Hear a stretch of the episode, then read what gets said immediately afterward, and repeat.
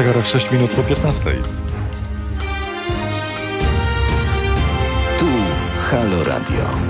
Mówimy wszystko.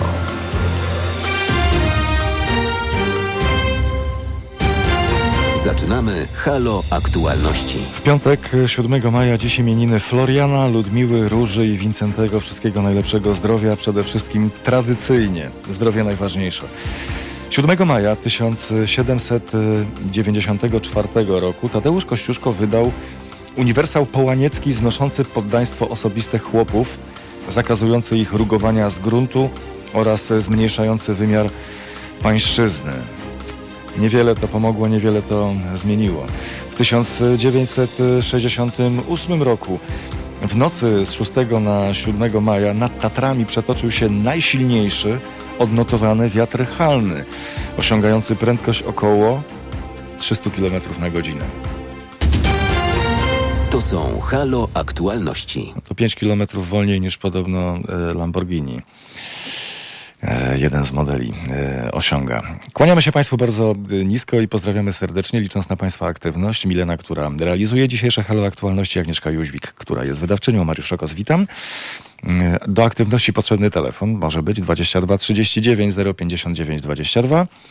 Skrzynka mailowa teraz małpahalo.radio, ewentualnie SMS-em 7148. Zaczynają Państwo pisać od halo. Następnie treść i wysyłamy wszystko na numer 7148, co kosztuje złotówkę i 23% VAT. O godzinie 16.30 tradycyjnie, jak w każdy piątek, podsumowanie wydarzeń mijającego tygodnia, widziane oczami i czute sercem Krzysztofa Skiby, gwiazdy roka i prowokatora, masażysty mózgu, jak czasami Krzysztof Skiba mówi także o sobie. Warto poczekać do godziny 16.30. O 16.15 rozmowa polityczna. Dziś razem z nami posłanka Lewicy, pani Beata Maciejewska. Ciekawa sytuacja e, Lewicy. Przyznają Państwo sami, będzie o czym rozmawiać. Porozmawiamy też o sytuacji gospodarczej Afryki. Trochę na takiej zasadzie, skoro jest tam tak bardzo źle, a jest e, źle, to dlaczego jeszcze tam nas nie ma? To znaczy, dlaczego tam nie ma na dużą skalę naszych inwestycji? Trochę w myśl takiej mm, zasady i starej historii dwóch sprzedawców butów właśnie wylądowało wśród ludów mieszkających na pustyni i wrócili po jakimś czasie i zdawali relacje. Jeden powiedział, nasze działania tam kompletnie nie mają sensu, bo tam nikt nie chodzi w butach. A drugi powiedział, rynek jest fantastyczny, nikt nie ma butów, wszyscy kupią na pewno nasze.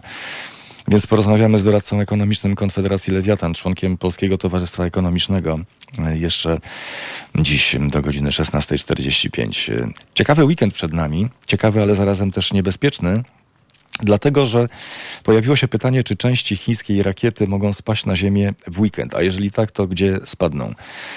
Optymiści mówią, że znacząca część y, tych y, pozostałości rakiety spadnie do oceanu. Pesymiści mówią, znacząca to nie znaczy, że wszystko, więc y, teraz wszyscy się zastanawiają nad tym, gdzie te części wylądują. Porozmawiamy z popularyzatorem astronomii, autorem bloga z głową w gwiazdach, panem Karolem Wójcickim o rakiecie Długi Marsz 5B, która wyniosła na orbitę jeden z kluczowych modułów do budowy chińskiej stacji mm, kosmicznej. Porozmawiamy także i od tego zaczniemy dzisiejsze halo aktualności, jeśli Państwo pozwolą. Oto Naczelny Sąd Administracyjny na niejawnym posiedzeniu podjął decyzję, by uchylić uchwały Krajowej Rady Sądownictwa powołującej nowych sędziów do Izby Cywilnej i Izby Karnej Sądu Najwyższego. Co to dokładnie oznacza i jak to się przekłada na nasze życie codzienne, porozmawiamy już za chwilę. A naszymi gośćmi będą prezes Fundacji Court Watch Polska, pan Bartosz y, Pilitowski, a także pan mecenas Michał Wawrykiewicz, inicjatywa Wolne Sądy. To już za kilka chwil.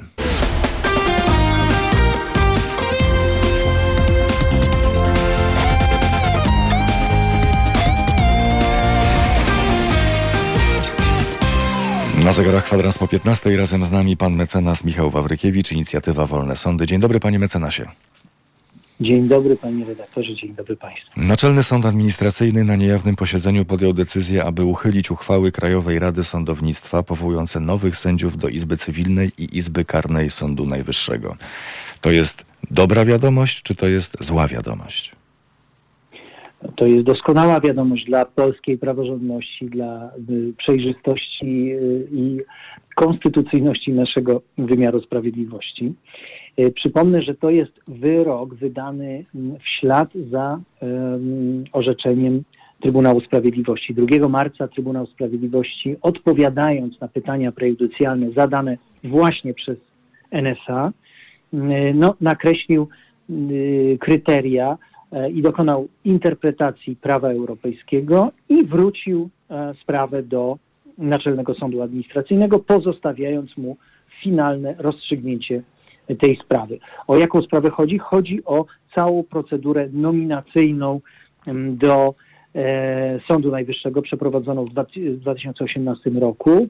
To był ten pierwszy rzut e, nominacji do Sądu Najwyższego e, przy pomocy i z udziałem nowej Krajowej Rady Sądownictwa, NeoKRS-u. No i Naczelny Sąd Administracyjny wczoraj, właściwie czytając to uzasadnienie, w sposób druzgocący odniósł się do prawidłowości tej procedury. Powiedział przede wszystkim, że e, procedura jest nieważna chociażby ze względu na e, kwestie formalne. Brak kontrasygnaty na ogłoszeniu prezydenta o wolnych stanowiskach sędziowskich w Sądzie Najwyższym. To jest e, taka czynność prezydenta, która wymaga e, podpisu również premiera, dlatego że nie jest wymieniona wśród prerogatyw tak zwanych prezydenckich, czyli tych czynności, które prezydent może dokonywać, których może dokonywać jednoosobowo, samodzielnie. Więc tutaj mamy wadę formalną całego procesu powołania, chociażby z tego względu cały ten proces jest niekonstytucyjny i jest nieważny. Druga rzecz, o której powiedział e, bardzo ważna Naczelny Sąd Administracyjny, NeoKRS nie jest e, organem niezależnym od władzy ustawodawczej i wykonawczej, nie może wykonywać tych czynności, które zapisane są w Konstytucji, czyli nie może wskazywać nominacji sędziowskich, nie może ich tych uchwał podejmować w sposób prawidłowy i przedstawiać prezydentowi do powołania sędziów, w tym wypadku do Sądu Najwyższego. No i to są takie dwie najważniejsze konkluzje tego, e, tego orzeczenia. Tym samym Naczelny Sąd Administracyjny uchylił te uchwały, uchwały NeoKRS-u, czyli nie ma tych uchwał. Prezydent powołał do Sądu Najwyższego osoby bez uchwał Krajowej Rady Sądownictwa. No a to jest wprost sprzeczne z konstytucją, bo artykuł 179 Konstytucji mówi, że prezydent powołuje sędziów na wniosek Krajowej Rady Sądownictwa. Jeśli nie ma tego wniosku, nie ma tej uchwały, która rekomenduje prezydentowi kandydatury, no to nie mamy powołań. E, no i to rozwiązuje y, tak naprawdę, odpowiadam na pytanie, co z tymi wszystkimi powołaniami do Sądu Najwyższego. To jest już około 50 50 osób w Sądzie Najwyższym właśnie w ten sposób nielegalny powołanych. To jest niezwykle ważna, ważne orzeczenie Naczelnego Sądu Administracyjnego, no, które właściwie potwierdza to, o czym mówimy od trzech lat, to, yy, że nominacje do Sądu Najwyższego, powołania do Sądu Najwyższego, takich ludzi jak pani Manowska, jak Kamil Zaradkiewicz, jak cała Izba Dyscyplinarna, cała Izba Kontroli Nadzwyczajnej i Spraw Publicznych. To są wszystko wadliwe nominacje. Dołączył do nas y, pan Bartosz Pilitowski, prezes Fundacji Courtwatch y, Polska. Witamy serdecznie panie Bartoszu, witamy serdecznie panie prezesie. Dzień dobry. Czy Pana zdaniem, bo już y, zaczęliśmy rozmowę z Panem mecenasem Michałem Wawrykiewiczem właśnie od y, tego, że uchwały zostały uchylone, sędziowie, za chwilę do tego przejdziemy, pozostają, ale to znaczy teraz y, w Pana opinii, że sędziowie Sądu Najwyższego będą musieli ustąpić? E, dosyć jasno się na ten temat wypowiedział sam Naczelny Sąd Administracyjny podkreślił i wyjaśnił w ostatnim punkcie e, uzasadnienia tego orzeczenia, e, że skutki tego, mm, tego orzeczenia nie odnoszą się do ważności e, czy skuteczności tych prezydenckich aktów powołania, jak również stwierdził, że no w aktualnym stanie, stanie prawnym no, te akty nie, nie są wzruszalne. Więc e, mamy do czynienia z sytuacją, w której NSA stwierdza, że uchwały, na podstawie których e, prezydent powołał tych sędziów, były niezgodne z prawem, co nie znaczy, że ci sędziowie nie są sędziami. Pan Bartosz Filitowski, prezes Fundacji Courtwatch Polska, a także pan mecenas Michał Wawrykiewicz, inicjatywa Wolne Sądy są państwa i moimi gośćmi na antenie Halo Radia. Panie mecenasie, yy, to teraz yy, nikt, nikt chyba nie, odnieść, nie rozumie tak naprawdę całej sytuacji. No.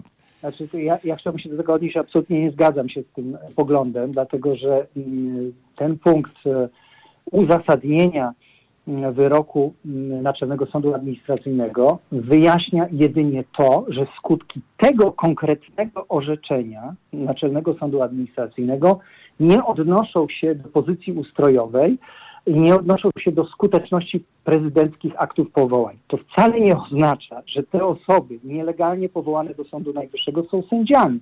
To wyłącznie oznacza to, że w tej procedurze kontroli uchwał NeoKRS-u, której dokonywał Naczelny Sąd Administracyjny, on nie zajmował się kontrolą samych powołań prezydenckich. To może wydawać się dosyć trudne, natomiast trzeba mieć na uwadze to, że Naczelny Sąd Administracyjny w tej konkretnej sprawie, w tej procedurze e, kontrolował uchwały, uchwały Naczelnego Sądu Administracyjnego, a zatem nie kontrolował skuteczności samych powołań prezydenckich, co wcale nie oznacza, że te powołania prezydenckie są w jakikolwiek sposób ważne. To jest zdanie, które mm, zostało umieszczone na 53 stronach. Mamy uzasadnienie, to jest tylko jedno zdanie w tym uzasadnieniu.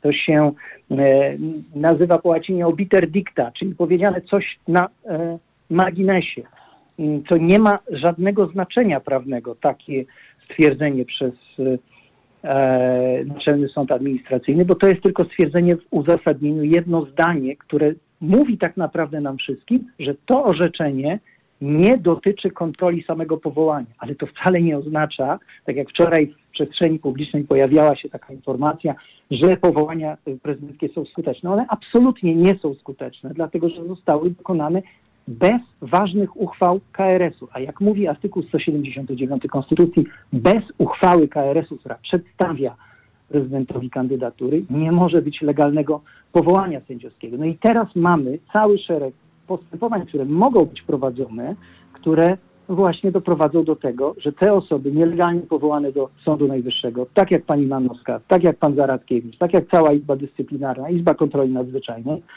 no finalnie nie będą w tym budynku zasiadać, bo nie są sędziami Sądu Najwyższego. Dam jako przykład kilkanaście postępowań, m, które toczą się przed Sądem Najwyższym, przed Izbą Pracy, postępowań o ustalenie tak zwanych pozwów, które złożyli sędziowie sądów powszechnych i poprosili e, Sąd Najwyższy o ustalenie, czy te właśnie osoby, o których teraz mówimy, osoby zasiadające w Sądzie Najwyższym właśnie z rekomendacji NeoKRS-u, czy one są sędziami. Jeśli Sąd Najwyższy w tych postępowaniach orzeknie finalnie, że to nie są sędziowie, no to będziemy mieli jasność, że e, potwierdzi się ta e, teza, o której ja mówiłem. Także podsumowując, z tego wczorajszego orzeczenia NSA absolutnie nie wynika taka konkluzja, że y, osoby do Sądu Najwyższego mimo braku uchwały KRS-u zostały e, legalnie, prawidłowo powołane i nie można wzruszyć y, powołania y, prezydenckiego, które zostało dokonane bez uchwały KRS.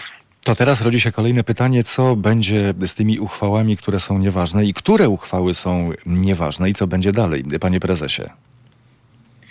Mamy rzeczywiście z- do czynienia z sytuacją, która może wśród obywateli wzbudzać spory niepokój, bo e, mamy e, orzeczenie NSA mówiące z jednej strony o tym, że KRS e, działa w sposób e, niezgodny z prawem, a z drugiej strony no, te akty powołania zostały e, dokonane przez prezydenta. E, Te osoby sprawują władzę publiczną, wydają wyroki e, e, i te wyroki będą wykonywane przez organy państwa.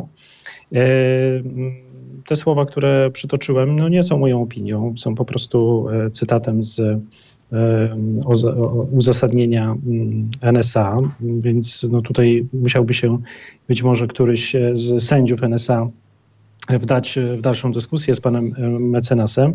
E, rze- Rzeczywistość jest taka, że te powołania, które już zostały mm, dokonane, e, zgodnie z konstytucją, e, tak naprawdę tych sędziów może usunąć albo A, sąd dyscyplinarny na przykład, albo ewentualnie, co oczywiście jest takim wybiegiem, można powiedzieć, e, w, w razie na przykład zniesienia sądu można E, taki sędzia może skorzystać z możliwości przejścia w stan spoczynku, prawda? Więc tutaj e, podobny sposób na Ukrainie postąpiono po Majdanie, gdzie starano się rozwiązać problem e, sądownictwa, które no, nie cieszyło się zaufaniem społecznym.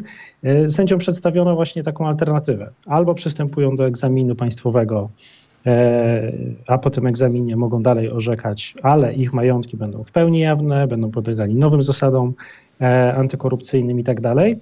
Mm, albo mogą odejść po prostu. I bardzo wielu sędziów, w niektórych sądach nawet wszyscy sędziowie, po prostu przeszli w stan spoczynku e, na, na sędziowską emeryturę, wcześniejszą. Ktoś mógł powiedzieć, że to, to niesprawiedliwe, ale przynajmniej zgodne z prawem i e, jednocześnie bez e, jakiegoś konfliktu wielkiego społecznego, Ukraina poradziła sobie jednak z, z tym problemem w dużej mierze i bardzo wielu sędziów, którzy no, tej rękojmi nie dawali, prawda, nie chcieli podlegać tym nowym, tym nowym zasadom, nie chcieli dać się w cudzysłowie oczywiście zlustrować, e, tam chodziło głównie o lustrację majątkową, e, no po prostu opuścili wymiar sprawiedliwości i nie razili w oczy obywateli, którzy musieliby przed nimi później stawać i e, prawda, szanować ich wyroki. Więc tutaj to, z czym mamy do czynienia, to przede wszystkim z ogromnym konfliktem społeczno-politycznym wokół wymiaru sprawiedliwości, który jest instytucją niezwykle ważną dla całego społeczeństwa, ponieważ wyroki sądowe dotyczą wszystkich nas i muszą być szanowane przez wszystkich, niezależnie od poglądów politycznych.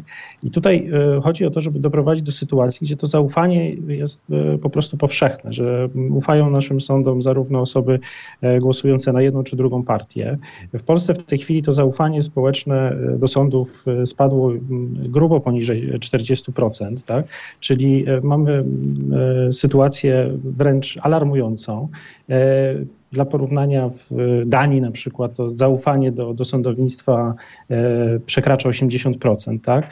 E, e, więc to jest przede wszystkim pytanie, jak wyjść z tego impasu w taki sposób, aby nie eskalować konfliktu, aby ten stan po tym konflikcie był, był taki, aby całe społeczeństwo, ludzie o różnych poglądach, o różnych zastrzeżeniach do tych czy innych sędziów mogli powiedzieć, tak, ten wymiar sprawiedliwości jest nasz, możemy mu ufać i jego wyroki będziemy, będziemy szanować. W tej I to będzie, sytuacja jest po prostu nie do, nie do zniesienia. I to, będzie, I to będzie prawdopodobnie ekstremalnie trudne, dlatego że część z Państwa przysłuchujących się wymianie argumentów między, między panami zapewne dochodzi do takiego oto wniosku, że skoro panowie nie są jednomyślni, to prawdopodobnie to dalej będzie rozgrywane między innymi w, w taki sposób. Ale na koniec jeszcze chciałbym zapytać, jakie jest... A ja przepraszam, bo to jest bardzo ważne, bo rozmawiamy o, o fundamentalnej kwestii. Ja bym chciał dosłownie dwa zdania mhm. na ten temat odnieść się do tego, bo znów e, w całej rozciągłości nie zgadzam się z tym poglądem, dlatego że to nie jest w ogóle kwestia e, konfliktu społeczno-politycznego, to jest kwestia stricte prawna. Albo ktoś jest sędzią, albo nim nie jest. To nie jest kwestia tego, że zaakceptujemy pewnego rodzaju zamach konstytucyjny, z którym mamy do czynienia w ciągu ostatnich pięciu lat i będziemy mówić, dobrze, no to my tych ludzi w ramach jakiejś ugody społecznej będziemy akceptować. Nie, to są osoby, które zostały nielegalnie powołane, one nie będą korzystać y, z żadnej ochrony przysługującej konstytucyjnie sędziom, dlatego że nie są sędziami. I to wynika ze standardów europejskich, które zostały potwierdzone przez TSUE, które są potwierdzane przez Europejski Trybunał Praw Człowieka. Dzisiejszy wyrok Xeroflor, e, który mówi o e, dublerach w e, Trybunale Konstytucyjnym. Ta sytuacja nie może być rozwiązana na przyszłość w ten sposób, że zostaną zaakceptowani, czy nie daj Boże przechodzili w stan spoczynku sędziowski, jeszcze będą otrzymywali emerytury sędziowskie za zamach konstytucyjny i branie udziału w tej konstytucyjnej zbrodni, którą mieliśmy do czynienia i mamy nadal do czynienia w Polsce. Ta sytuacja może być rozwiązana tylko w taki, w taki sposób, że te osoby opuszczą e, wymiar sprawiedliwości i co więcej poniosą odpowiedzialność za branie udziału tym procederze, y, z którym mieliśmy do czynienia. Więc tak tę sytuację ja widzę i tak widzą środowiska prawnicze, które biorą udział które są zaangażowane w obronę praworządności w ostatnich latach. Nie będzie łatwo, żeby to wszystko uporządkować. Niestety. Pan mecenas Michał Wawrykiewicz, inicjatywa Wolne Sądy i pan Bartosz Pilitowski, prezes Fundacji Courtwatch Polska, dziś razem z nami na antenie Haloradia. Bardzo gorąco dziękuję za rozmowę, za dyskusję, za wymianę argumentów. No i wszystkiego dobrego. Zdrowia przede wszystkim życzymy. Dziękuję. Dziękuję. Już za kilka chwil na naszej antenie o tym, Co w weekend e, nas e, czeka? Też e, będziemy mocno stąpać po ziemi. No bo rodzi się pytanie, czy części chińskiej rakiety mogą spaść na ziemię w weekend, a jeśli tak, to gdzie? www.zrzutka.pl ukośnik Halo Radio. 10 zł miesięcznie. Od połowy z ponad 300 tysięcy naszych słuchaczek i słuchaczy pozwoli nam działać tak, jak powinniśmy, czyli poruszać tematy nieobecne w mediach korporacyjnych, a przede wszystkim obnażać intencje i działania władzy przy jednoczesnym pytaniu opozycji o konkrety.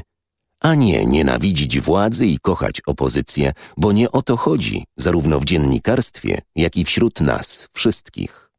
Mówi profesor doktor habilitowany Ryszard Cichocki, socjolog z Uniwersytetu Adama Mickiewicza w Poznaniu.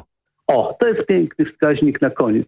Istotą kompetencji obywatelskiej jest to, czy mamy krytyczny stosunek do polityków i każdego polityka od, y, od, oceniamy krytycznie, czy zakochujemy się w politykach. Zakochują się w politykach ludzie o małych rozumkach, bez kompetencji, prawda? Jak się zakochujemy, to już jest źle. Tak nieważne, kim ten polityk jest. Wszystkie informacje na temat możliwości wspierania Halo Radia, w tym płatności elektronicznych i zwykłych przelewów bankowych, na stronie www.halo.radio ukośnik SOS. Polecamy też nasze konto na www.zrzutka.pl ukośnik Halo Radio. Dziękujemy. I polecamy jednocześnie kolejne wydarzenia na naszej antenie. O 16.50 felieton Marty Lempart, o 18.50 felieton Sylwii Gregorczyk-Abram, o 20.50 felieton sędziego Igora Tulei, o 22.50 felieton profesor Magdaleny Środy. Bardzo gorąco zachęcamy do słuchania i do aktywności. A razem z nami już teraz pan Karol Wójcicki, popularyzator astronomii, autor bloga Z głową w gwiazdach. Dzień dobry panie Karolu. Dzień dobry. Czy części chińskiej rakiety mogą spaść na Ziemię w ten weekend? Teoretycznie tak. Rzeczywiście istnieje takie ryzyko, bo na orbicie znajduje się rakieta długi marsz 5B, która niedawno wyniosła, pod koniec kwietnia konkretnie mówiąc, e, wyniosła pierwsze moduły, pierwszy moduł, e, który stanowi zalążek nowej chińskiej stacji orbitalnej. No i okazało się, że chyba był jakiś problem, bo rakieta, która po takim zadaniu powinna być później zepchnięta z orbity w kierunku ziemskiej atmosfery, aby spadła gdzieś nad oceanem i tam spłonęła w atmosferze, no niestety nie odpaliła silników z jakiegoś powodu i utknęła na tej orbicie.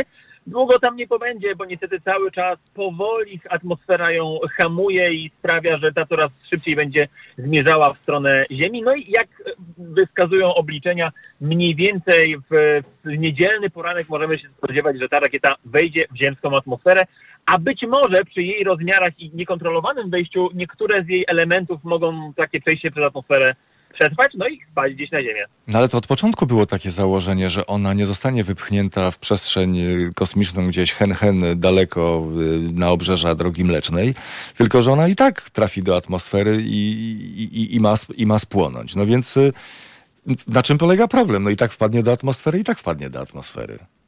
Prawda, ale pytanie jest, co będzie potem, kiedy spadnie do atmosfery. Na południowej części Pacyfiku mamy, to może mało kto o tym wie, ale mamy cmentarzysko statków kosmicznych. To jest taki obszar, w którym różne agencje kosmiczne lubią spychać swoje nieużywane statki kosmiczne i oczywiście licząc na to, że one jednak w całości spalą się w atmosferze, ale gdyby tak się nie stało, bo to się zdarza, na to może wpłynąć bardzo wiele różnych e, zewnętrznych czynników, to żeby te szczątki nikomu nie zagrażały i spadły właśnie w takie miejsce, no chyba jedno z najbardziej odosobnionych na naszej planecie, czyli południową część Oceanu e, Spokojnego. Więc tak, było założenie, żeby ona spłonęła w atmosferze, ale żeby spłonęła w takim miejscu, że gdyby coś poszło nie tak, no to żeby jednak na Ziemi szkody jak najbardziej zminimalizować. Tutaj niestety nad tym już kontroli nie mamy.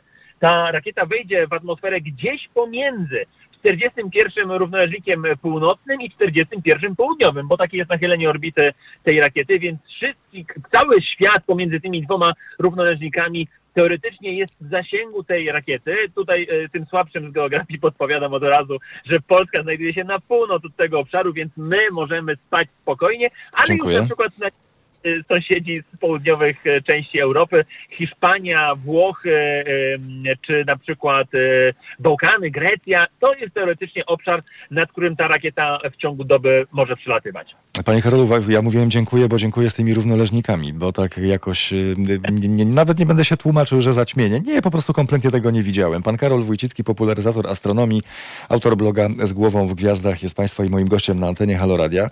Teoretycznie możemy się czuć bezpiecznie. Południe Europy, tak jak Pan powiedział, już y, niekoniecznie.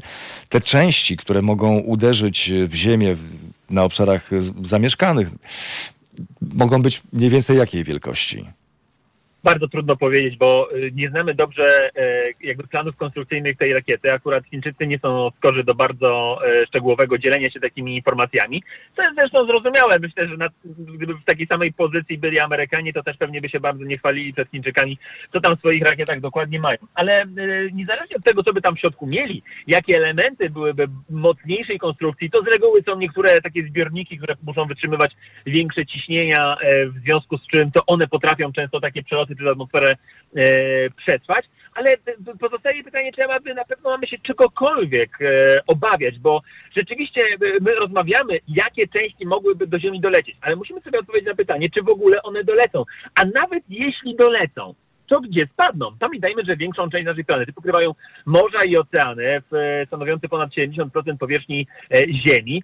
E, a nawet jeśli e, będzie miała ta rakieta trochę więcej, nie wiem, szczęścia albo pecha, w zależności jak na to patrzeć, i trafi gdzieś na te tereny lądowe, no to wciąż większość terenów lądowych jest też niezamieszkała. Ludzie skupiają się w, w miastach, w obszarach takich gdzieś aglomeracyjnych. Jeśli chodzi o gęstość zaludnienia, no to rzeczywiście akurat północna ta część Europy e, czyli środkowa, e, biorąc pod uwagę e, szerokość geograficzną, też jest bardziej zamieszkała niż te południowe rejony, to tylko skupiając się na, na samej Europie. Nad Afryką, no to wiadomo jak to wygląda, a poza tym mamy południową część Azji, no to tam Indie rzeczywiście byłyby pewnie mocno kłopotliwe, ale już Ocean Indyjski czy, czy, czy Australia tam dalej jeszcze na wschód, to też są tereny bardzo słabo, jeśli chodzi o gęstość e, zaludnienia zamieszkałe. Więc tu nie powinniśmy się tego jakoś szczególnie obawiać. Oczywiście wszyscy bacznie przyglądają się temu, bo tak zawsze jest, gdy mamy jakieś ciało jakiś, e, jakiegoś sztucznego satelitę, czy, czy, czy rakietę, która, która wejdzie niekontrolowanie w atmosferę, to my się temu oczywiście przyglądamy, ale nikt nikomu nie każe na szczęście chować się do schronu, bo szansa na to, że ta rakieta rzeczywiście spadnie gdzieś i komuś zrobi krzywdę, jest absolutnie minimalna. To trochę tak, jakbyście Państwo dzisiaj, wszyscy słuchacze, nagle rzucili się tłumnie e, do deweloperów, kupili sobie willę z basenem, naprawdę wypasione takie, że jeden z prezesów mógłby Państwu tego naprawdę pozazdrościć. Dlaczego? Ano dlatego, bo jutro jest szansa, że Państwo traficie szóstkę w lotka. Szczerze mówiąc, szansa na to, że dostaniemy szczątkami rakiety po głowie jest dużo mniejsza niż to, że Państwo tę szóstkę jutro moglibyście trafić, więc no wie, może to jest argument za tym, żeby jednak spróbować dzisiaj zagrać, ale raczej nie za tym, żeby zakładać jutro kask podczas weekendowego spaceru. No ale są tacy ludzie, którzy wiedzą o tym od początku, że są pechowcami po prostu i nawet takim jest minimalne po prostu prawdopodobieństwo, zawsze mają, zawsze mają pecha, to wyobraźmy sobie taką sytuację albo przemówmy do wyobraźni, podgrzejmy nieco atmosferę. Kilogram metalu, który pędzi z taką prędkością, jak właśnie spadająca, spadająca rakieta przechodząca przez atmosferę ziemską. Jakie szkody potrafi wyrządzić? Prawdopodobnie mogłyby ulec spadające, znaczy spadające z nieba kawałki metalu. Już nie pędzą oczywiście tak szybko jak rakieta, bo one, one już e, hamują. Są hamowane przez atmosferę, potem przez, przez po prostu pęd powietrza podczas takiego już swobodnego spadku. E, i, więc często one spadają no, z prędkościami takimi, jak coś, co spada z nieba. No, gdyby doszło do, nie daj Boże, jakiejś katastrofy lotniczej, to pewnie szkody byłyby podobne. E, mógłbym tutaj jednak jeszcze uspokoić, odwołując się do nie tyle statystyki, co minionych wydarzeń, że tylko w tym roku już co najmniej kilka razy się zdarzyło, że jakieś ciało, że jakiś satelita czy rakieta w niekontrolowany sposób zeszła z orbity. I żeby było śmiesznie, my teraz troszeczkę się obawiamy, bo to chińska rakieta. Nie wiadomo, dlaczego to miałoby być jakoś szczególnie groźniejsze, bo w tym roku już jedna amerykańska odwaliła taki numer i rzeczywiście firma SpaceX, którą często wychwalamy, za sprawą jej fantastycznych rozwiązań, miała taką awarię. Co prawda chodziło wtedy o drugi, a nie pierwszy stopień rakiety, więc obiekt trochę mniejszy, ale krążył sobie przez kilka tygodni na orbicie, a potem spłonął nad Seattle, więc w ogóle nad jednym z amerykańskich miast, co dodatkowo wzmożyło, e, mogło wzmażać zaniepokojenie, ale w efekcie było tylko i wyłącznie fantastycznym e, pokazem e, fajerwerków. Tam jakiś niewielki fragment rzeczywiście spadł na jakieś pole. Ktoś potem rzeczywiście to zlokalizował, ale ale to nie było nic groźnego. A gdyby ktoś pytał o ewentualne straty w ludziach, to tu mogę uspokoić, że w przeszłości nigdy takiej sytuacji nie było, a jedyną ofiarą śmieci kosmicznych spadających z przestrzeni była w latach 70., jeśli mnie pamięć nie myli, po spadku stacji e, kosmicznej Skylab, e, amerykańskiej stacji kosmicznej Skylab, e, krowa pasąca się na jednym z pastwisk na zachodnim wybrzeżu Australii. Także to tyle, jeśli chodzi Czyli o... jednak. Ale czyli je, a, a koło krowy mógł stać pastuszek. Widzi pan, panie Karolu?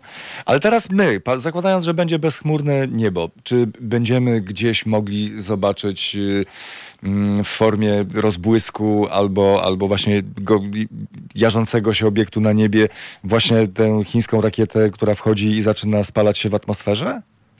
Trzeba przyznać, że takie spalające się w atmosferze rakiety to jeden z najbardziej spektakularnych widoków, jakie w ogóle na niebie możemy zobaczyć, bo one wchodząc z relatywnie już niską prędkością potrafią e, dać spektakularny deszcz spadających gwiazd, taką smugę ognistych odłamków lecących równolegle do, e, do siebie przez nawet e, kilkadziesiąt sekund przemierzając całe niebo, oczywiście w specyficznych warunkach obserwacyjnych.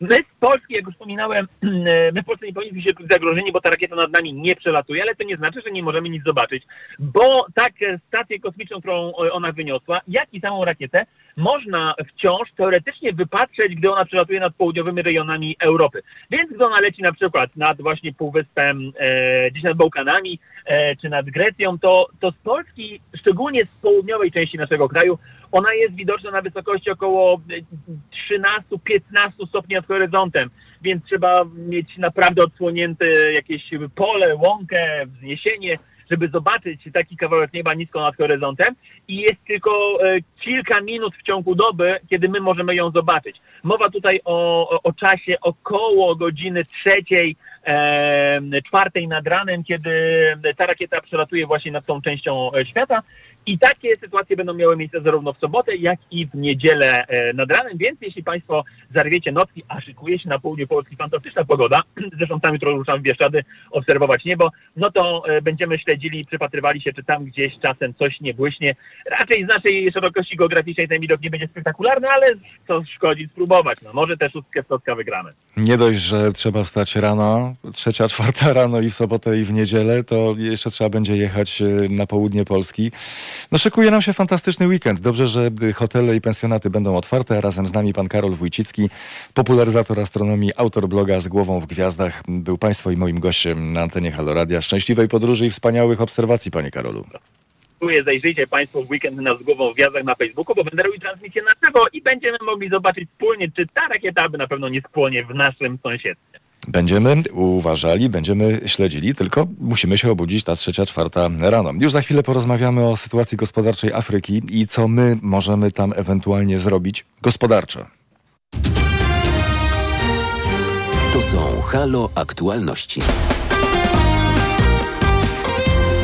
Halo Radio. Mówi wszystko. I razem z nami pan doktor Maciej Stańczuk, doradca ekonomiczny Konfederacji Lewiatan, członek Polskiego Towarzystwa Ekonomicznego. Dzień dobry panie doktorze. Dzień dobry, witam serdecznie. Sytuacja gospodarcza Afryki jest y, fatalna. Taka jest y, smutna konstatacja y, tego, co przeczytaliśmy ostatnio. Pytanie, dlaczego my tam gospodarczo nie jesteśmy aktywni jako Polska? Albo jesteśmy tak słabo, że w ogóle się tam chyba nie liczymy na tym rynku. No tak, rzeczywiście pozycja Polski na rynku afrykańskim jest słaba.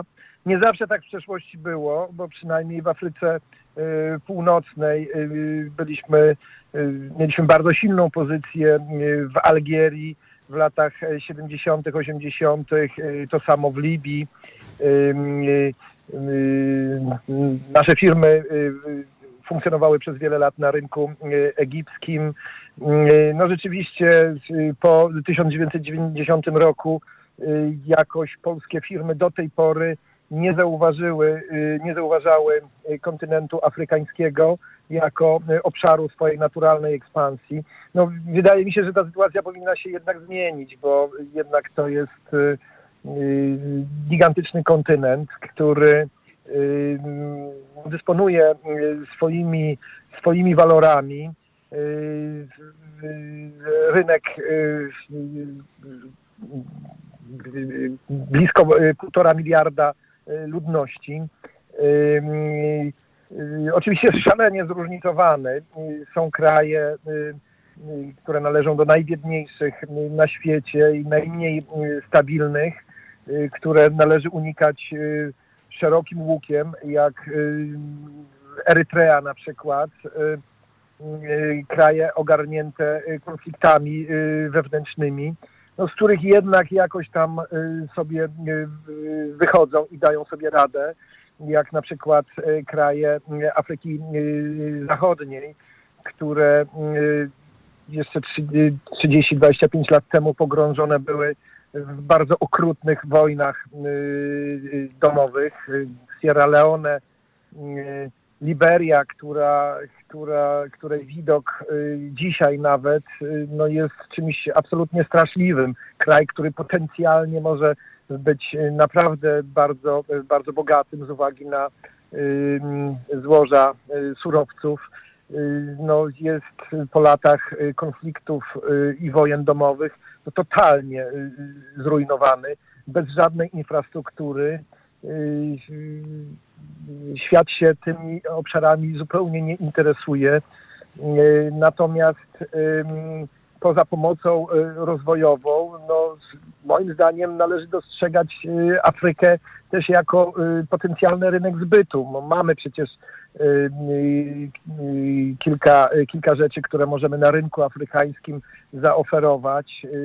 Są to chociażby maszyny rolnicze, których tam bardzo brakuje i pewno w ramach pomocy rozwojowych czy takich bezpośrednich linii kredytowych dedykowanych dla danego państwa, no Polska mogłaby odegrać dużo większą rolę niż do tej pory, no bo to jeśli teraz tego nie zrobimy, kiedy nasze firmy stają się coraz silniejsze i rynek, tradycyjny rynek europejski jest już za, za mały dla potencjału naszych przedsiębiorstw, to Afryka wydaje się no, bardzo ciekawym kontynentem ekspansji. Ja osobiście bardzo, bardzo wierzę w ten kontynent i to też może być rzeczywiście fajna, fajna przyszłość dla, dla naszego kraju, ale również i i dla świata. Na razie niestety Afryka jest raczej źródłem problemów, krajem trochę zapomniany przez cywilizację zachodnią. W Afryce dzisiejszej w wielu krajach nie widać Europejczyków, nie widać Amerykanów, którzy rzeczywiście abdykowali w dużej części z Afryki, natomiast wszędzie widać Chińczyków, którzy opanowali taki model ekspansji polegający na tym, że budują infrastrukturę, budują drogi, też stadiony na przykład, w których, w których się wyspecjalizowali, a następnie kolonizują te kraje, przejmując, kładąc rękę na wydobycie surowców No właśnie, bo to, to, może my po prostu już, może po prostu my już przespaliśmy ten, ten odpowiedni, odpowiedni moment i Chińczycy tam zaczynają się rządzić po swojemu. Popatrzmy na pieniądze, na osobę, przychód, 2000 dolarów, u nas 8 razy więcej. Tak jak pan wspomniał, maszyny rolnicze jak najbardziej potrzebne. Afryka trzyma się ciągle motyki i łopaty. Udział rolnictwa z leśnictwem i rybołówstwem. Normalnie na świecie około 3% w produkcie brutto. W Somalii 63%, Sierra Leone 54%, w Gwinei-Bissau 52%. Sytuacja jest kompletnie odwrócona. No i teraz tak, oni nie mają pieniędzy, no bo jak tu uciułać na, na traktor i, i, i no, bo, no bo skąd wziąć pieniądze, jak tych pieniędzy nie ma? Tak, no właśnie, ale tu akurat podał pan przykłady najbiedniejszych krajów e, afrykańskich. Natomiast e, są kraje, które są zupełnie przyzwoicie e, rządzone, gdzie nie dochodzi do zamachów e, stanu, rzezi. No, akurat takim ciekawym przykładem jest kraj w sąsiedztwie tych Sierra Leone czy, czy Liberii, to znaczy Wybrzeże Kości Słoniowej, który no, ostatnio co prawda nie był oazą stabilności politycznej, natomiast kraj totalnie różniący się od,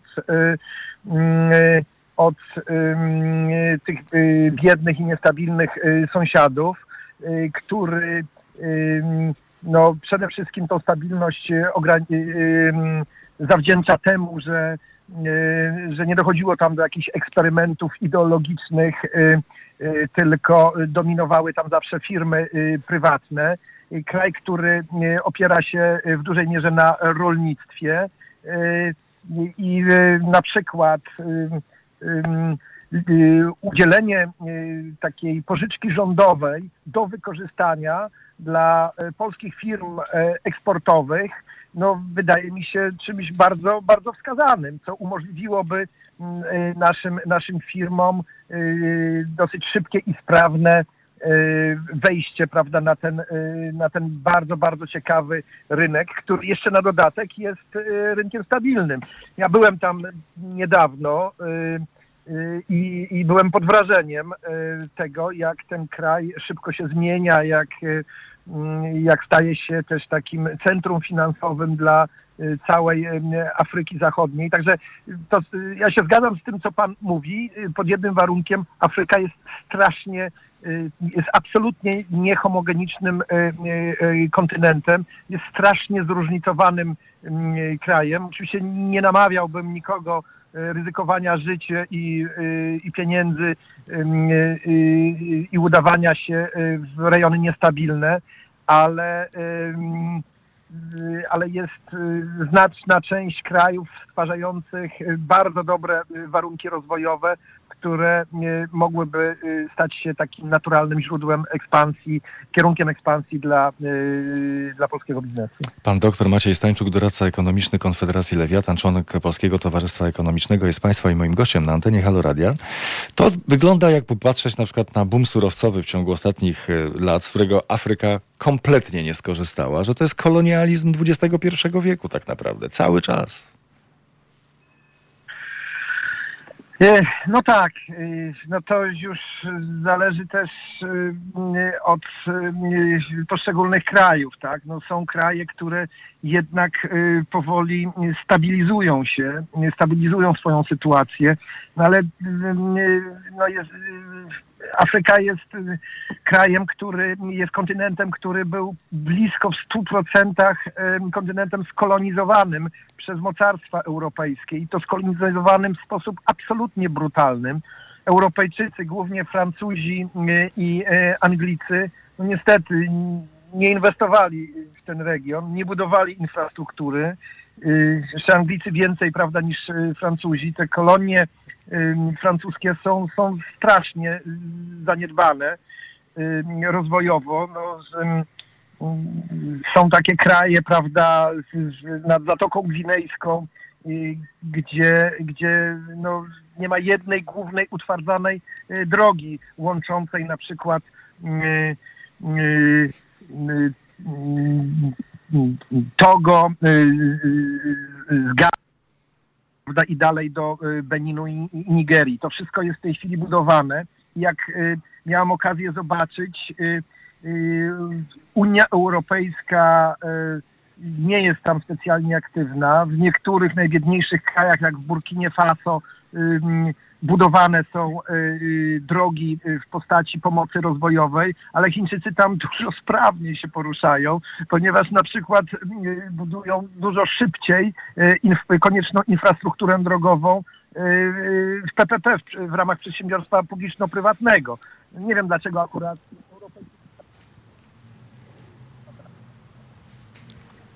Pan doktor Maciej Stańczuk, doradca ekonomiczny Konfederacji Lewiatan, członek Polskiego Towarzystwa Ekonomicznego, był Państwa i moim gościem na antenie, na antenie Haloradia. Panie doktorze, bardzo gorąco dziękujemy za rozmowę.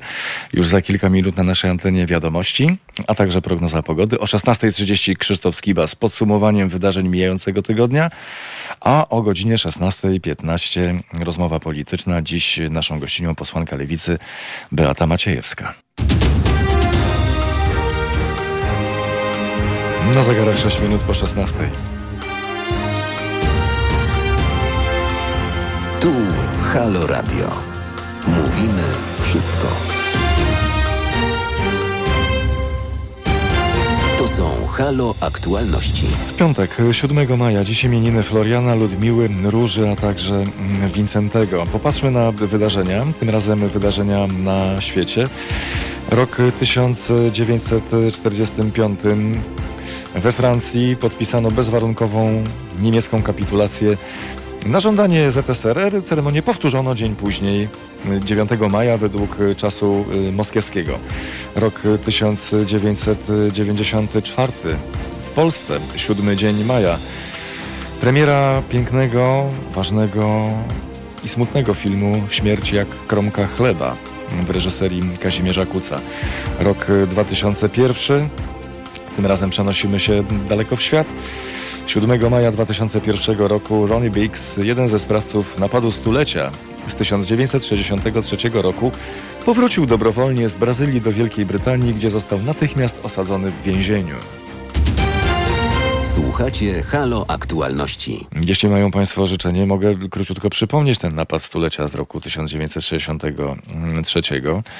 Największy napad rabunkowy na pociąg w Wielkiej Brytanii, do którego doszło na trasie Glasgow-Londyn. Gang ukradł z pociągu ponad 2 miliony 600 tysięcy funtów w 128 workach o łącznej wadze 2,5 tony co przekłada się na wartość y, w początku XXI wieku, biorąc pod uwagę siłę nabywczą pieniądza, na około 40 milionów funtów, czyli jakieś 200 milionów y, złotych. Ale zostawmy bandytów i ich y, mroczne sprawy. My popatrzmy na to, co dzieje się u nas w pogodzie. Kasztanowce spóźniły się na matury, na razie nie kwitną. Dendrolog mówi, nie ma temperatury, nie ma boomu. Jakie ładne określenie na, na niekwitnące mm, kasztany. Nie ma temperatury, nie ma boomu. Przyzwyczailiśmy się, że wiosna przychodzi bardzo wcześnie, a plus 5 robi się już na początku marca. I raz na parę lat powoli się przyzwyczajajmy do tego. Zdarzają się anomalie w przyrodzie.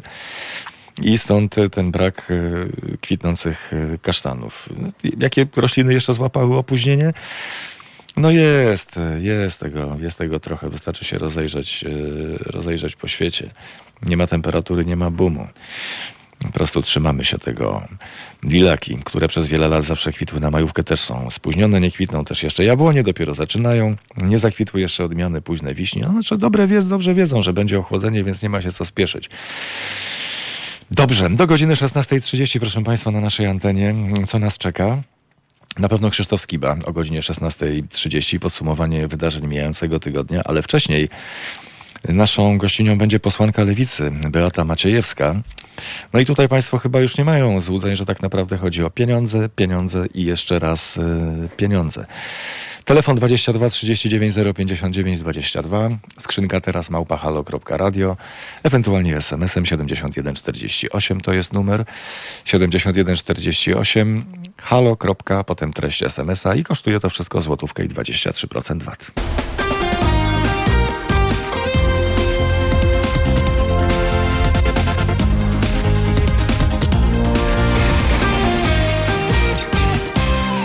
Kwadrans po 16. Słuchają Państwo Halo Radio. Razem z nami pani Beata Maciejewska, posłanka Lewicy. Dzień dobry pani poseł.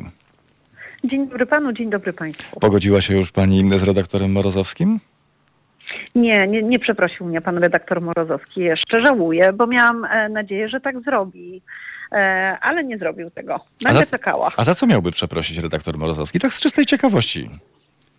E, za to e, zostawianie e, pytań, które są bardzo sugerujące i moim zdaniem nierzetelne i za to, że zaprasza gościa do studia, przerywa mu cały czas, a także podnosi na niego głos. Wydaje mi się, że dziennikarze nie powinni tak się zachowywać. Jeśli zapraszają do studia gościa, to po to, żeby go wysłuchać i żeby po prostu zadać pytania, które są jak najbardziej rzetelne, a nie stawać w roli osoby, która reprezentuje inną partię polityczną. W tym przypadku koalicję obywatelską, bo też tak, jak rozumiem, odebrała pani zachowanie redaktora Morozowskiego, że był rzecznikiem prasowym y, koalicji obywatelskiej w tej rozmowie. No tak, niestety. E, pan redaktor Morozowski wyszedł z roli i stał się rzecznikiem Platformy Obywatelskiej czy też koalicji i, i w tej roli się odnalazł e, no, w takim, e, powiedziałabym, nastroju bardzo wojowniczym, a wręcz agresywnym. I to zupełnie inna funkcja. Jak się chce być dziennikarzem, to się zachowuje inaczej. Jak się chce być rzecznikiem prasowym ugrupowania, które właśnie przechodzi ciężkie chwile i się jest rozdygotanym z tego powodu, no to to jest już inna pozycja. Ale dlaczego, które ugrupowanie przechodzi teraz y, trudne chwile? Lewica czy Koalicja Obywatelska? Panie redaktorze, wydaje mi się, że ugrupowanie, które ma najniższe sondaże w historii e, swojego istnienia i którego e, wyborcy w e, znakomitej większości nie popierają ostatniego głosowania, to ta przynosi, przechodzi ciężkie chwile i taką formacją jest Koalicja Obywatelska. 15% poparcia to jest najniższe poparcie w tym momencie, a także 54% osób, które źle oceniają koalicję obywatelską, jak wynika z badań, opinii, no to także nie napawa optymizmem. Zupełnie inaczej jest, jak wiadomo, z lewicą, e, bo nasze głosowanie za pieniędzmi dla ludzi e, popiera prawie 70% wyborców, a nasze sondaże idą znacząco w górę, więc no, to są te różnice. Wszystko się zgadza z wyjątkiem jednego elementu. W zasadzie y, nie, nie, nie, musieli Państwo się spotykać y, z premierem Morawieckim po to, żeby zagłosować w Sejmie za przyjęciem y, tego funduszu odbudowy. Zatem czemu służyły te zakulisowe rozmowy? One nie były zakulisowe. My przesłaliśmy e, pakiet naszych uwag i zapowiedzieliśmy je e, już w marcu, e, że będziemy prowadzić takie rozmowy. Wysłaliśmy też do samorządowców i do różnego rodzaju instytucji pytania i konsultowaliśmy ten plan, więc działaliśmy bardzo aktywnie. I oczywiście można nie robić nic. E, tak jak zrobiła to e, Koalicja Obywatelska, a chcę nie powiedzieć, że szkoda, że inni nie zrobili tego, tego i tego. My zrobiliśmy inaczej. Postawiliśmy nasze warunki, powiedzieliśmy, jakie mamy uwagi, bo przesłaliśmy też, przypomnę, e, pakiet naszych uwag do, do, do tego, co zaproponował rząd, a następnie, kiedy mm, mogliśmy to zrobić już w ostatnim tygodniu, na ostatniej prostej, kiedy inne ugrupowania marzyły mm, i snuły jakieś historie niesamowite o rządzie e, technicznym z Gowinem, to my chcieliśmy się spotkać, żeby wprowadzić do tego planu dodatkowe elementy. I to nie było w ukryciu, bo wszyscy wiedzieli, że do takiego spotkania dojdzie. My nie spotykaliśmy się ciemną nocą e, w parku, tylko spotkaliśmy się w biały dzień z otwartą przyłbicą, e, wcześniej mówiąc o tym, że będziemy walczyli o pieniądze na mieszkania, że będziemy walczyli o pieniądze na szpitale, o 30% dla samorządów, więc e, no nie sądzę, żeby, żeby to był, żeby można to było określić jakimiś tajnymi negocjacjami. Posłanka Lewicy, pani Beata Maciejewska jest Państwa i moją gościnią na antenie Halo Radia. Szanowna Pani poseł, jakie ma Pani zdanie na temat Zjednoczonej Prawicy? Złe. Jak bardzo złe? Bardzo złe. No uważam, że to jest y, ugrupowanie, które po pierwsze nie jest w ogóle zjednoczone, jak widać. Nie potrafi dobrze rządzić Polską. Rozdaje stołki. Jest y, ugrupowaniem, które, y, no jest nie ugrupowanie, to jest po prostu zlepek różnego rodzaju partii, które ciągną każda w swoją stronę, żeby zapewnić sobie i swoim ludziom korzyści, a nie korzyści dla Polek i Polaków. Poza tym no, są też ugrupowaniem, które... Mm, Działa na przykład wbrew części społeczeństwa, wykluczając ludzi. Działa, e, niszczy system e, praworządności w Polsce, niszczy polską naturę. Jest bardzo wiele rzeczy, które ten rząd e, i, i popierająca go Zjednoczona Prawica robi źle. I państwo dalej będą współpracować z Prawem i Sprawiedliwością i Zjednoczoną Prawicą? Nie. W żadnym aspekcie, Nigdy, w żadnym wymiarze? Nie. Panie redaktorze, w Sejmie głosujemy na każdym posiedzeniu kilkanaście lub kilkadziesiąt projektów ustaw. Większość tych ustaw, większość, bo można to sprawdzić y, w głosowaniach, jest popierana po różnego rodzaju poprawkach przez wiele ugrupowań. To jest Platforma, czy Koalicja Obywatelska, czy PSL, popierają różnego rodzaju rozwiązania. Były nawet rozwiązania, których nie poparło tylko kilku posłów. Na przykład wprowadzenie ustawy o energetyce wiatrowej e, e, na morzu. Jest, jak pan e, wie, wiele projektów, nad którymi pracujemy. Część z nich oczywiście odrzucamy i tak będzie zawsze na przykład prawa kobiet. Lewica zawsze stoi po stronie praw kobiet, czy kwestie związane z prawami osób tej samej płci, które na przykład są dzisiaj dyskryminowane w Polsce. Ja sama znam takie rodziny. E, w mojej rodzinie też są dwie osoby, dwie kobiety, które wychowują wspólnie dziecko, e, e, które zostało poczęte w in vitro i które mieszkają razem, razem są po prostu kochającą się rodziną od wielu lat i nie mają tych samych praw, co, co, co ja na przykład. A dlaczego? Więc ym, dlatego, że dzisiaj rządzi w Polsce Zjednoczona Prawica i w pewnych e, kwestiach nigdy nie, nie będziemy głosować razem e, z PiSem i nigdy też nie wejdziemy w koalicję z PiSem. Ale ponad podziałami politycznymi, kiedy trzeba ratyfikować pieniądze dla całej Europy, dla, e, kiedy trzeba powiedzieć tak, dlatego żeby ludzie mieszkający, nie wiem, w, Hajnówce, w Sopocie, mm, e, w Krymicy Morskiej albo Górskiej mogli się odbić od dna, i to jest projekt całej Unii Europejskiej, który będzie pilnowany przez Komisję Europejską, bo to nie są pieniądze przecież rządu, tylko to są pieniądze europejskie, to wtedy mówimy tak, chcemy poprzeć te rozwiązania, bo one Do, są dla nas dobre. One już zostały, one już zostały poparte, to już, y, to już wiemy, ale teraz y, są kolejne, są kolejne plany i państwo są bardzo ważnym y, elementem tej układanki. Przepraszam za to określenie. Mianowicie y, zmiana konstytucji. Y, Prawo i Sprawiedliwość już nad tym pracuje i bardzo na państwa liczę to Prawo i Sprawiedliwość chyba nie informowało nas o tym, że na nas liczy, a zmieniać konstytucji z pisem nie będziemy. nie ma w ogóle aspekcie? takiej opcji, żebyśmy my e, z pisem, żebyśmy my zmieniali konstytucję? Tak. Panie redaktorze. O czym pan mówi? Mówię o zmianie nigdy konstytucji. Nie będziemy z pisem, nigdy nie będziemy z pisem zmieniać konstytucji, dlatego że to dotyczy e, systemu prawnego, który jest przez PiS niszczony. Tak jak powiedziałam, pieniądze europejskie przyznane przez Unię dla Polek i Polaków. Ale to państwo będą w takim razie w kropce. Europy, Ale tak. to państwo będą w kropce, bo jeżeli nie Prawo i Sprawiedliwość... w żadnej tak, kropce. Dlatego, Jesteśmy... że jeżeli Prawo i Sprawiedliwość jeżeli Prawo i Sprawiedliwość podniesie kwestie, na przykład zapisy dotyczące pracowniczych planów kapitałowych, i będzie mowa o pracownikach budżetówki, to państwo jako lewica będą musieli powiedzieć swoim potencjalnym wyborcom, no nie, no teraz się odwracamy od was plecami, ten pomysł nie przejdzie, bo my powiemy nie, nie będziemy zmieniać spisem konstytucji. Ale e, tak jak w przypadku głosowania za e, ratyfikacją Europejskiego Funduszu Odbudowy, stanęliśmy za wartościami najważniejszymi, wychodząc poza krótkoterminowy nasz interes e, naszej formacji i po prostu stając za rozwojem. No pieniądze, e, pieniądze. Tym, ludzi... No tak, ale pieniądze tutaj też będą, oznaczają? Tutaj też One będą leżą, kwestia pieniędzy. E, ale to wymagałoby zmiany konstytucji. Tak. Przecież jak pan sobie wyobraża, że lewica z pisem, no to w ogóle nie wchodzi w grę. My ta konstytucja, która dzisiaj obowiązuje, jest dla nas e, dobrą konstytucją. Nigdy nie było mowy, żebyśmy my e, współpracowali dalej z PiSem e, w kwestiach, e, gdzie PiS może liczyć e, na nas e, przy forsowaniu rzeczy, na które, na które się nie zgadzamy.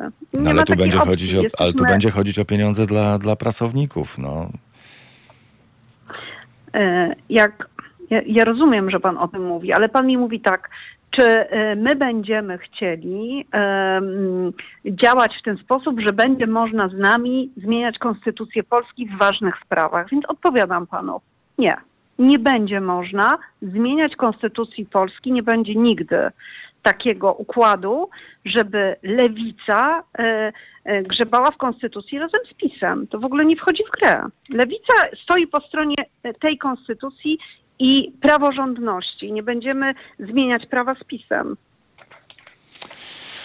Trzymamy za słowo. Ja rozumiem, że pan ma e, swoje argumenty, że tam może być, ale trzeba wybierać to, co jest Ale to nie są moje, ale to nie są moje argumenty, bo to państwo przecież Tak, nie tak, będą ze tak. mną rozmawiać, tylko będą państwo rozmawiać z prawem i będzie. sprawiedliwością. No, ja tu nie mam nic do powiedzenia w tej, w, w tej Proszę sprawie. nie wierzyć w te plotki. E, lewica jest lewicą, e, jesteśmy przeciwnikiem PiSu.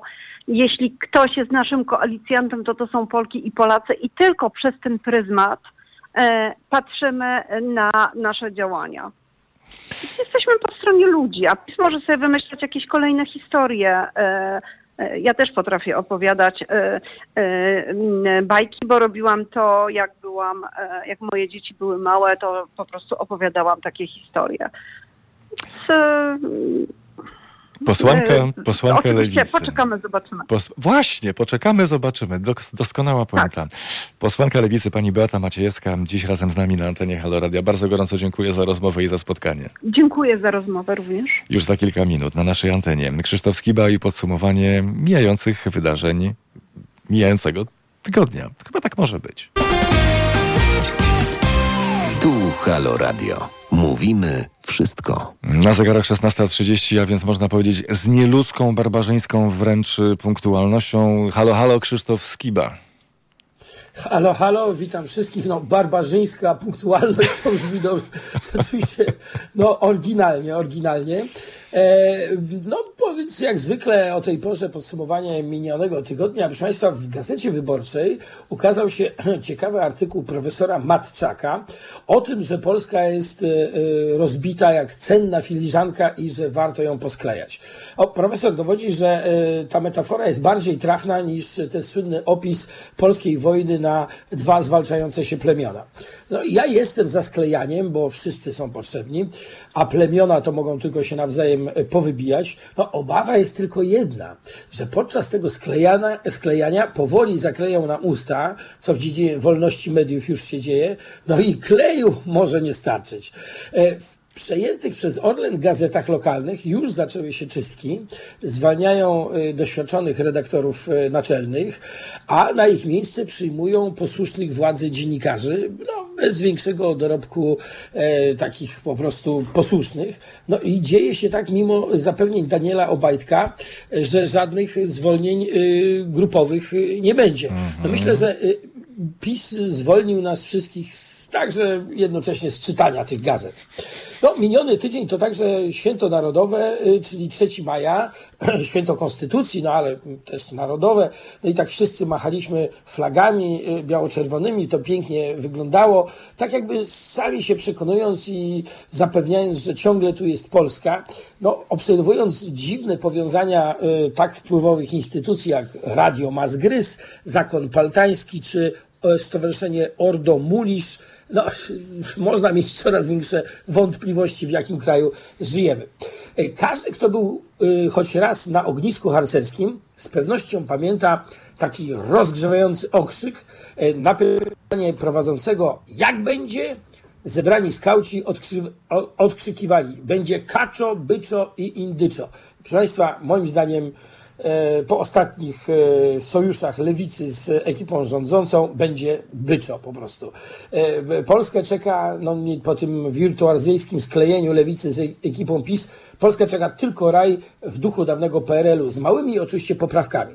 No, co to był PRL? No, to była komuna, biurokracja, centralne zarządzanie, złodziejstwo, zamordyzm, bezpieka, cenzura i hasło Polak potrafi. Co to jest Kaczystan? To jest dokładnie to samo plus proboszcz. PiS napchany forsą z Unii Europejskiej wygra kolejne wybory i w ciągu kilku kolejnych lat cała Polska zmieści się już w kieszeni pana Jarosława. Lewica odegra rolę przystawki podobną jak samoobrona Lepera, a kanapy Gowina i Ziobry prezesowi już nie będą potrzebne. Zamiast Ziobry pojawi się u boku Czarzasty albo Zandberg, a przy dużym poczuciu humoru prezesa to i, i dobrym nastroju Terleckiego, e, to dla jaj takiemu Biedroniowi mogą dać na przykład Ministerstwo Kultury. No, różnica między PiS z Ziobro i Gowinem, a PiS z Lewicą Biedroniem i Czarzastym będzie taka, że zamiast disco polo pojawi się w TVP Ralf Kamiński. Zmiany nastąpią szybciej niż sobie wyobrażamy. Już nie poznajemy tej Polski sprzed sześciu lat. Za kolejnych kilka lat będzie mniej więcej tak. Premierem będzie brat Obajtka, no bo też się zna na liczeniu kasy. Wprowadzi zasadę, że yy, wprowadzi się taką zasadę, że premier kraju jest jednocześnie biskupem, kardynałem i papieżem. O polski kościół zerwie yy, z Watykanem, gdyż papież Franciszek i jego słowa zbyt często obrażały wiarę polskich katolików. Brata Obajtka wyświęci ryzyk, bo dostanie kasę na budowę swojej piramidy w Toruniu. W szkole religia będzie przedmiotem na maturze, język polski będzie połączony z wychowaniem fizycznym. No, podczas gry w zbijaka będzie trzeba zaliczyć chłopów Reymonta, a podczas gry w piłkę yy, ogniem i mieczem Sienkiewicza. No bo to wiadomo, piłka to jest bardziej ognista yy, dyscyplina. Po takim wycisku odechce się młodym czytania czegokolwiek. Matematyka i fizyka znikną z nauczania szkolnego, bo lepiej, aby kolejne pokolenia liczyły już tylko na siebie i nie zadawały głupich pytań. Zajęcia z chemii obroni Antoni Macierewicz, no bo przecież ktoś te narkotyki produkować musi. Daniel Obajtek będzie miał pałac w każdym mieście i luksusowy apartament na każdym osiedlu w Polsce, jakie się buduje. Mateusz Morawiecki okazyjnie kupi działkę, na której leży cała gmina Wrocław. Szefem Naczelnej Izby Kontroli będzie, uwaga, Król zwrotów kosztów podróży Richard Czarnecki, wzór uczciwości i niezależności. Rzecznikiem praw obywatelskich będzie obligatoryjnie zawsze komendant główny policji. No a Trybunał Julii Przyłębskiej wyda opinię, że jest to zgodne z konstytucją. Redaktorem naczelnym wszystkich gazet w Polsce będzie Tomasz Sakiewicz, oprócz gazetki odbijanej na ksero przez Zandberga i stacji internetowej Etos Czarzastego.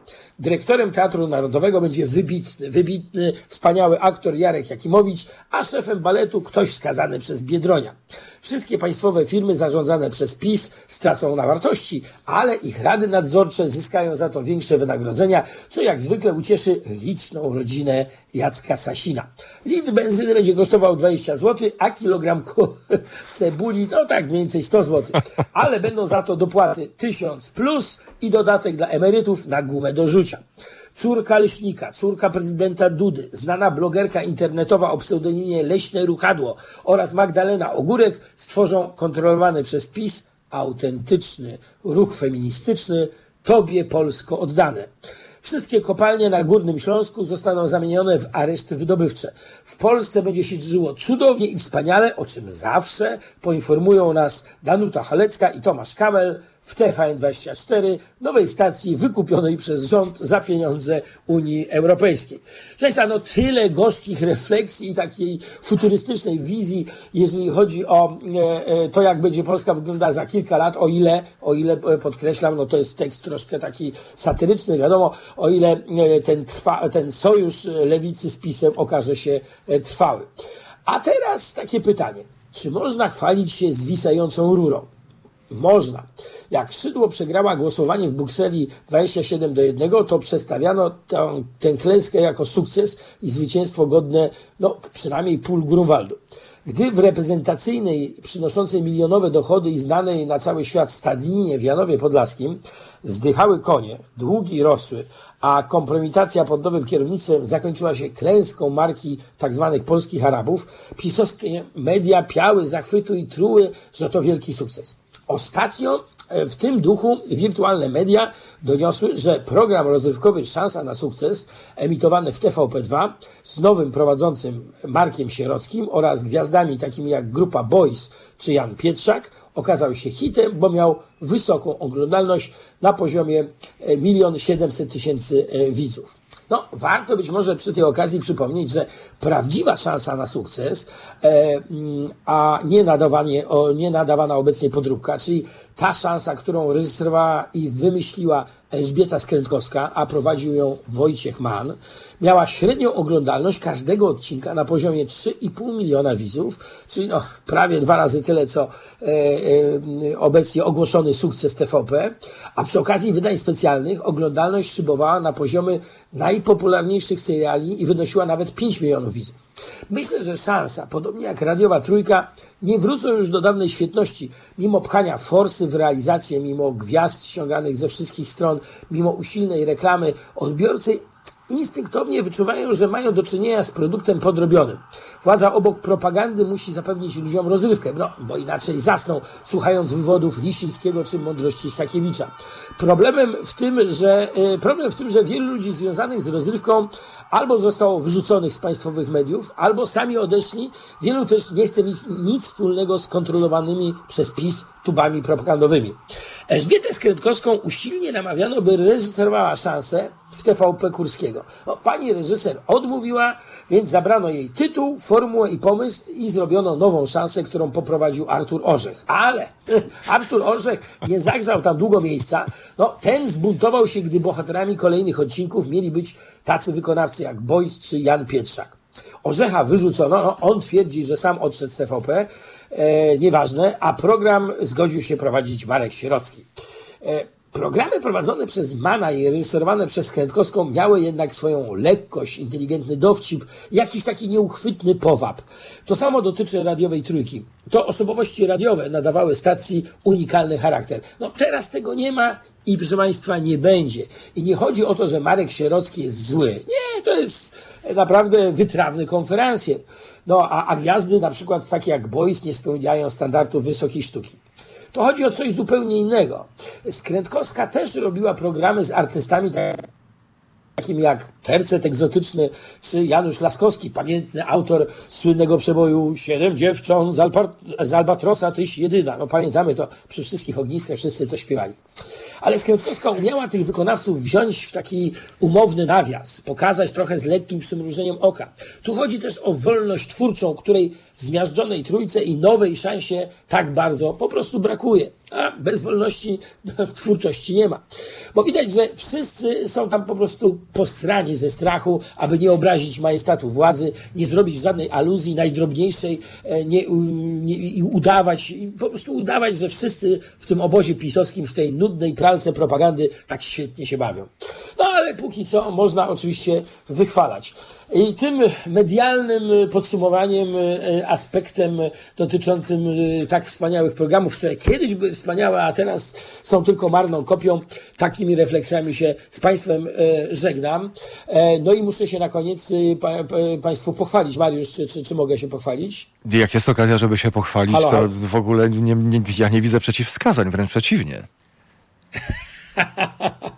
to będzie trochę takie E, nietypowe dla mnie, bo proszę Państwa, ja jutro debiutuję. Ja wiem, że to brzmi dosyć e, zabawnie, bo 33 lata grania w Bigcycu e, i bycia w show biznesie to, to jest kawałek życia, ale nigdy nie jest za późno, żeby coś nowego zrobić. I proszę Państwa, ponieważ koncerty jeszcze nie długo, długo nie wrócą, lockdown no, na razie jakieś ogródki mają otworzyć, gdzieś trudno zagrać koncert w ogródku przy knajpie, sale koncertowe, festiwale, no nie są jeszcze planowane, Dni Miast też nie za bardzo, więc y, tych dużych koncertów raczej nie będzie. Może latem jakieś coś małego się uda. Więc ja penetruję, proszę Państwa, i eksploruję, można tak ładnie powiedzieć, nowe tereny i jutro będę po raz pierwszy w życiu prowadził prawdziwą, uwaga, galę bokserską.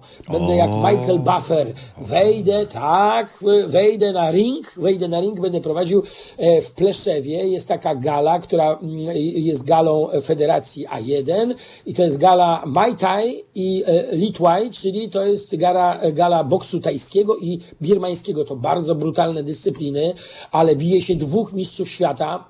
E, Mateusz Duczmal między innymi, bardzo, bardzo to jest Polak, mieszkający w Anglii, w Londynie, świetny kickboxer i świetny e, mistrz właśnie boksu tajskiego. No i zapraszam na tą galę, ona będzie do obejrzenia w internecie, wystarczy wejść na moją stronę internetową, na mojego fanpage'a i tam wszystkie informacje Państwo znają i bardzo proszę Ciebie, Mariusz, także, żeby Państwo trzymali kciuki, bo y, no, ci bokserzy nie mają poczucia humoru. Jak mi się wypsnie jakiś żart, to i ja mogę dostać. No, ja bardzo cię proszę, to taka osobista, osobista prośba, chociaż wiem, że doskonale byś się sprawdził również i w tej roli. Miałbyś podwójny debiut. Zejdź proszę z ringu przed pierwszym gongiem. Postaram się, postaram się zejść e, i, i, postaram się naprawdę e, dostarczyć e, dużych emocji. Myślę, że emocji nie zabraknie. To naprawdę e, e, bardzo dobrze zawodnicy i zapowiada się to na taką ostrą. Nie ma żadnych ustawek, to są prawdziwi sportowcy. To nie jest jakaś bijatyka pod sklepem spożywczym, to nie jest jakaś bijatyka po meczu. To są naprawdę prawdziwi sportowcy. Przyjeżdżają z Danii, z, ze Słowacji, z, z, z Niemiec, z, z Ukrainy i, i są, jest oczywiście dużo polskich zawodników, tak więc e, e Gala Federacji A1 zapraszam serdecznie. No i oczywiście prowadzący, wyśmienity e, będzie trzymał rękę na pulsie, także warto to zobaczyć. Gala dostępna za płatnym dostępem oczywiście e, w internecie. Krzysztof Skiba, trzymamy kciuki. Wszystkiego najlepszego. Do usłyszenia i do zobaczenia. Do zobaczenia, pozdrawiam, heja, cześć, cześć. Za kwadrans na naszej antenie, na antenie Halo Radia, wiadomości, a potem prognoza y, pogody. A ja Państwa zapraszam y, jutro o wczesnej porze, tak 5-4 y, godziny po tym, jak będziemy obserwowali, jak ta rakieta chińska będzie się spalała w atmosferze. Na audycję, na spotkanie. Jutro o godzinie 8 rano, jutro, w sobotę. Wiem, że wcześniej, ale na pewno damy radę. Milena realizowała dzisiejsze Halo Aktualności. Agnieszka Jóźwik była wydawczynią. Mariusz Kos. Dziękuję, kłaniam się nisko. Do usłyszenia. To były Halo Aktualności. Na kolejny program zapraszamy w poniedziałek o godzinie 15.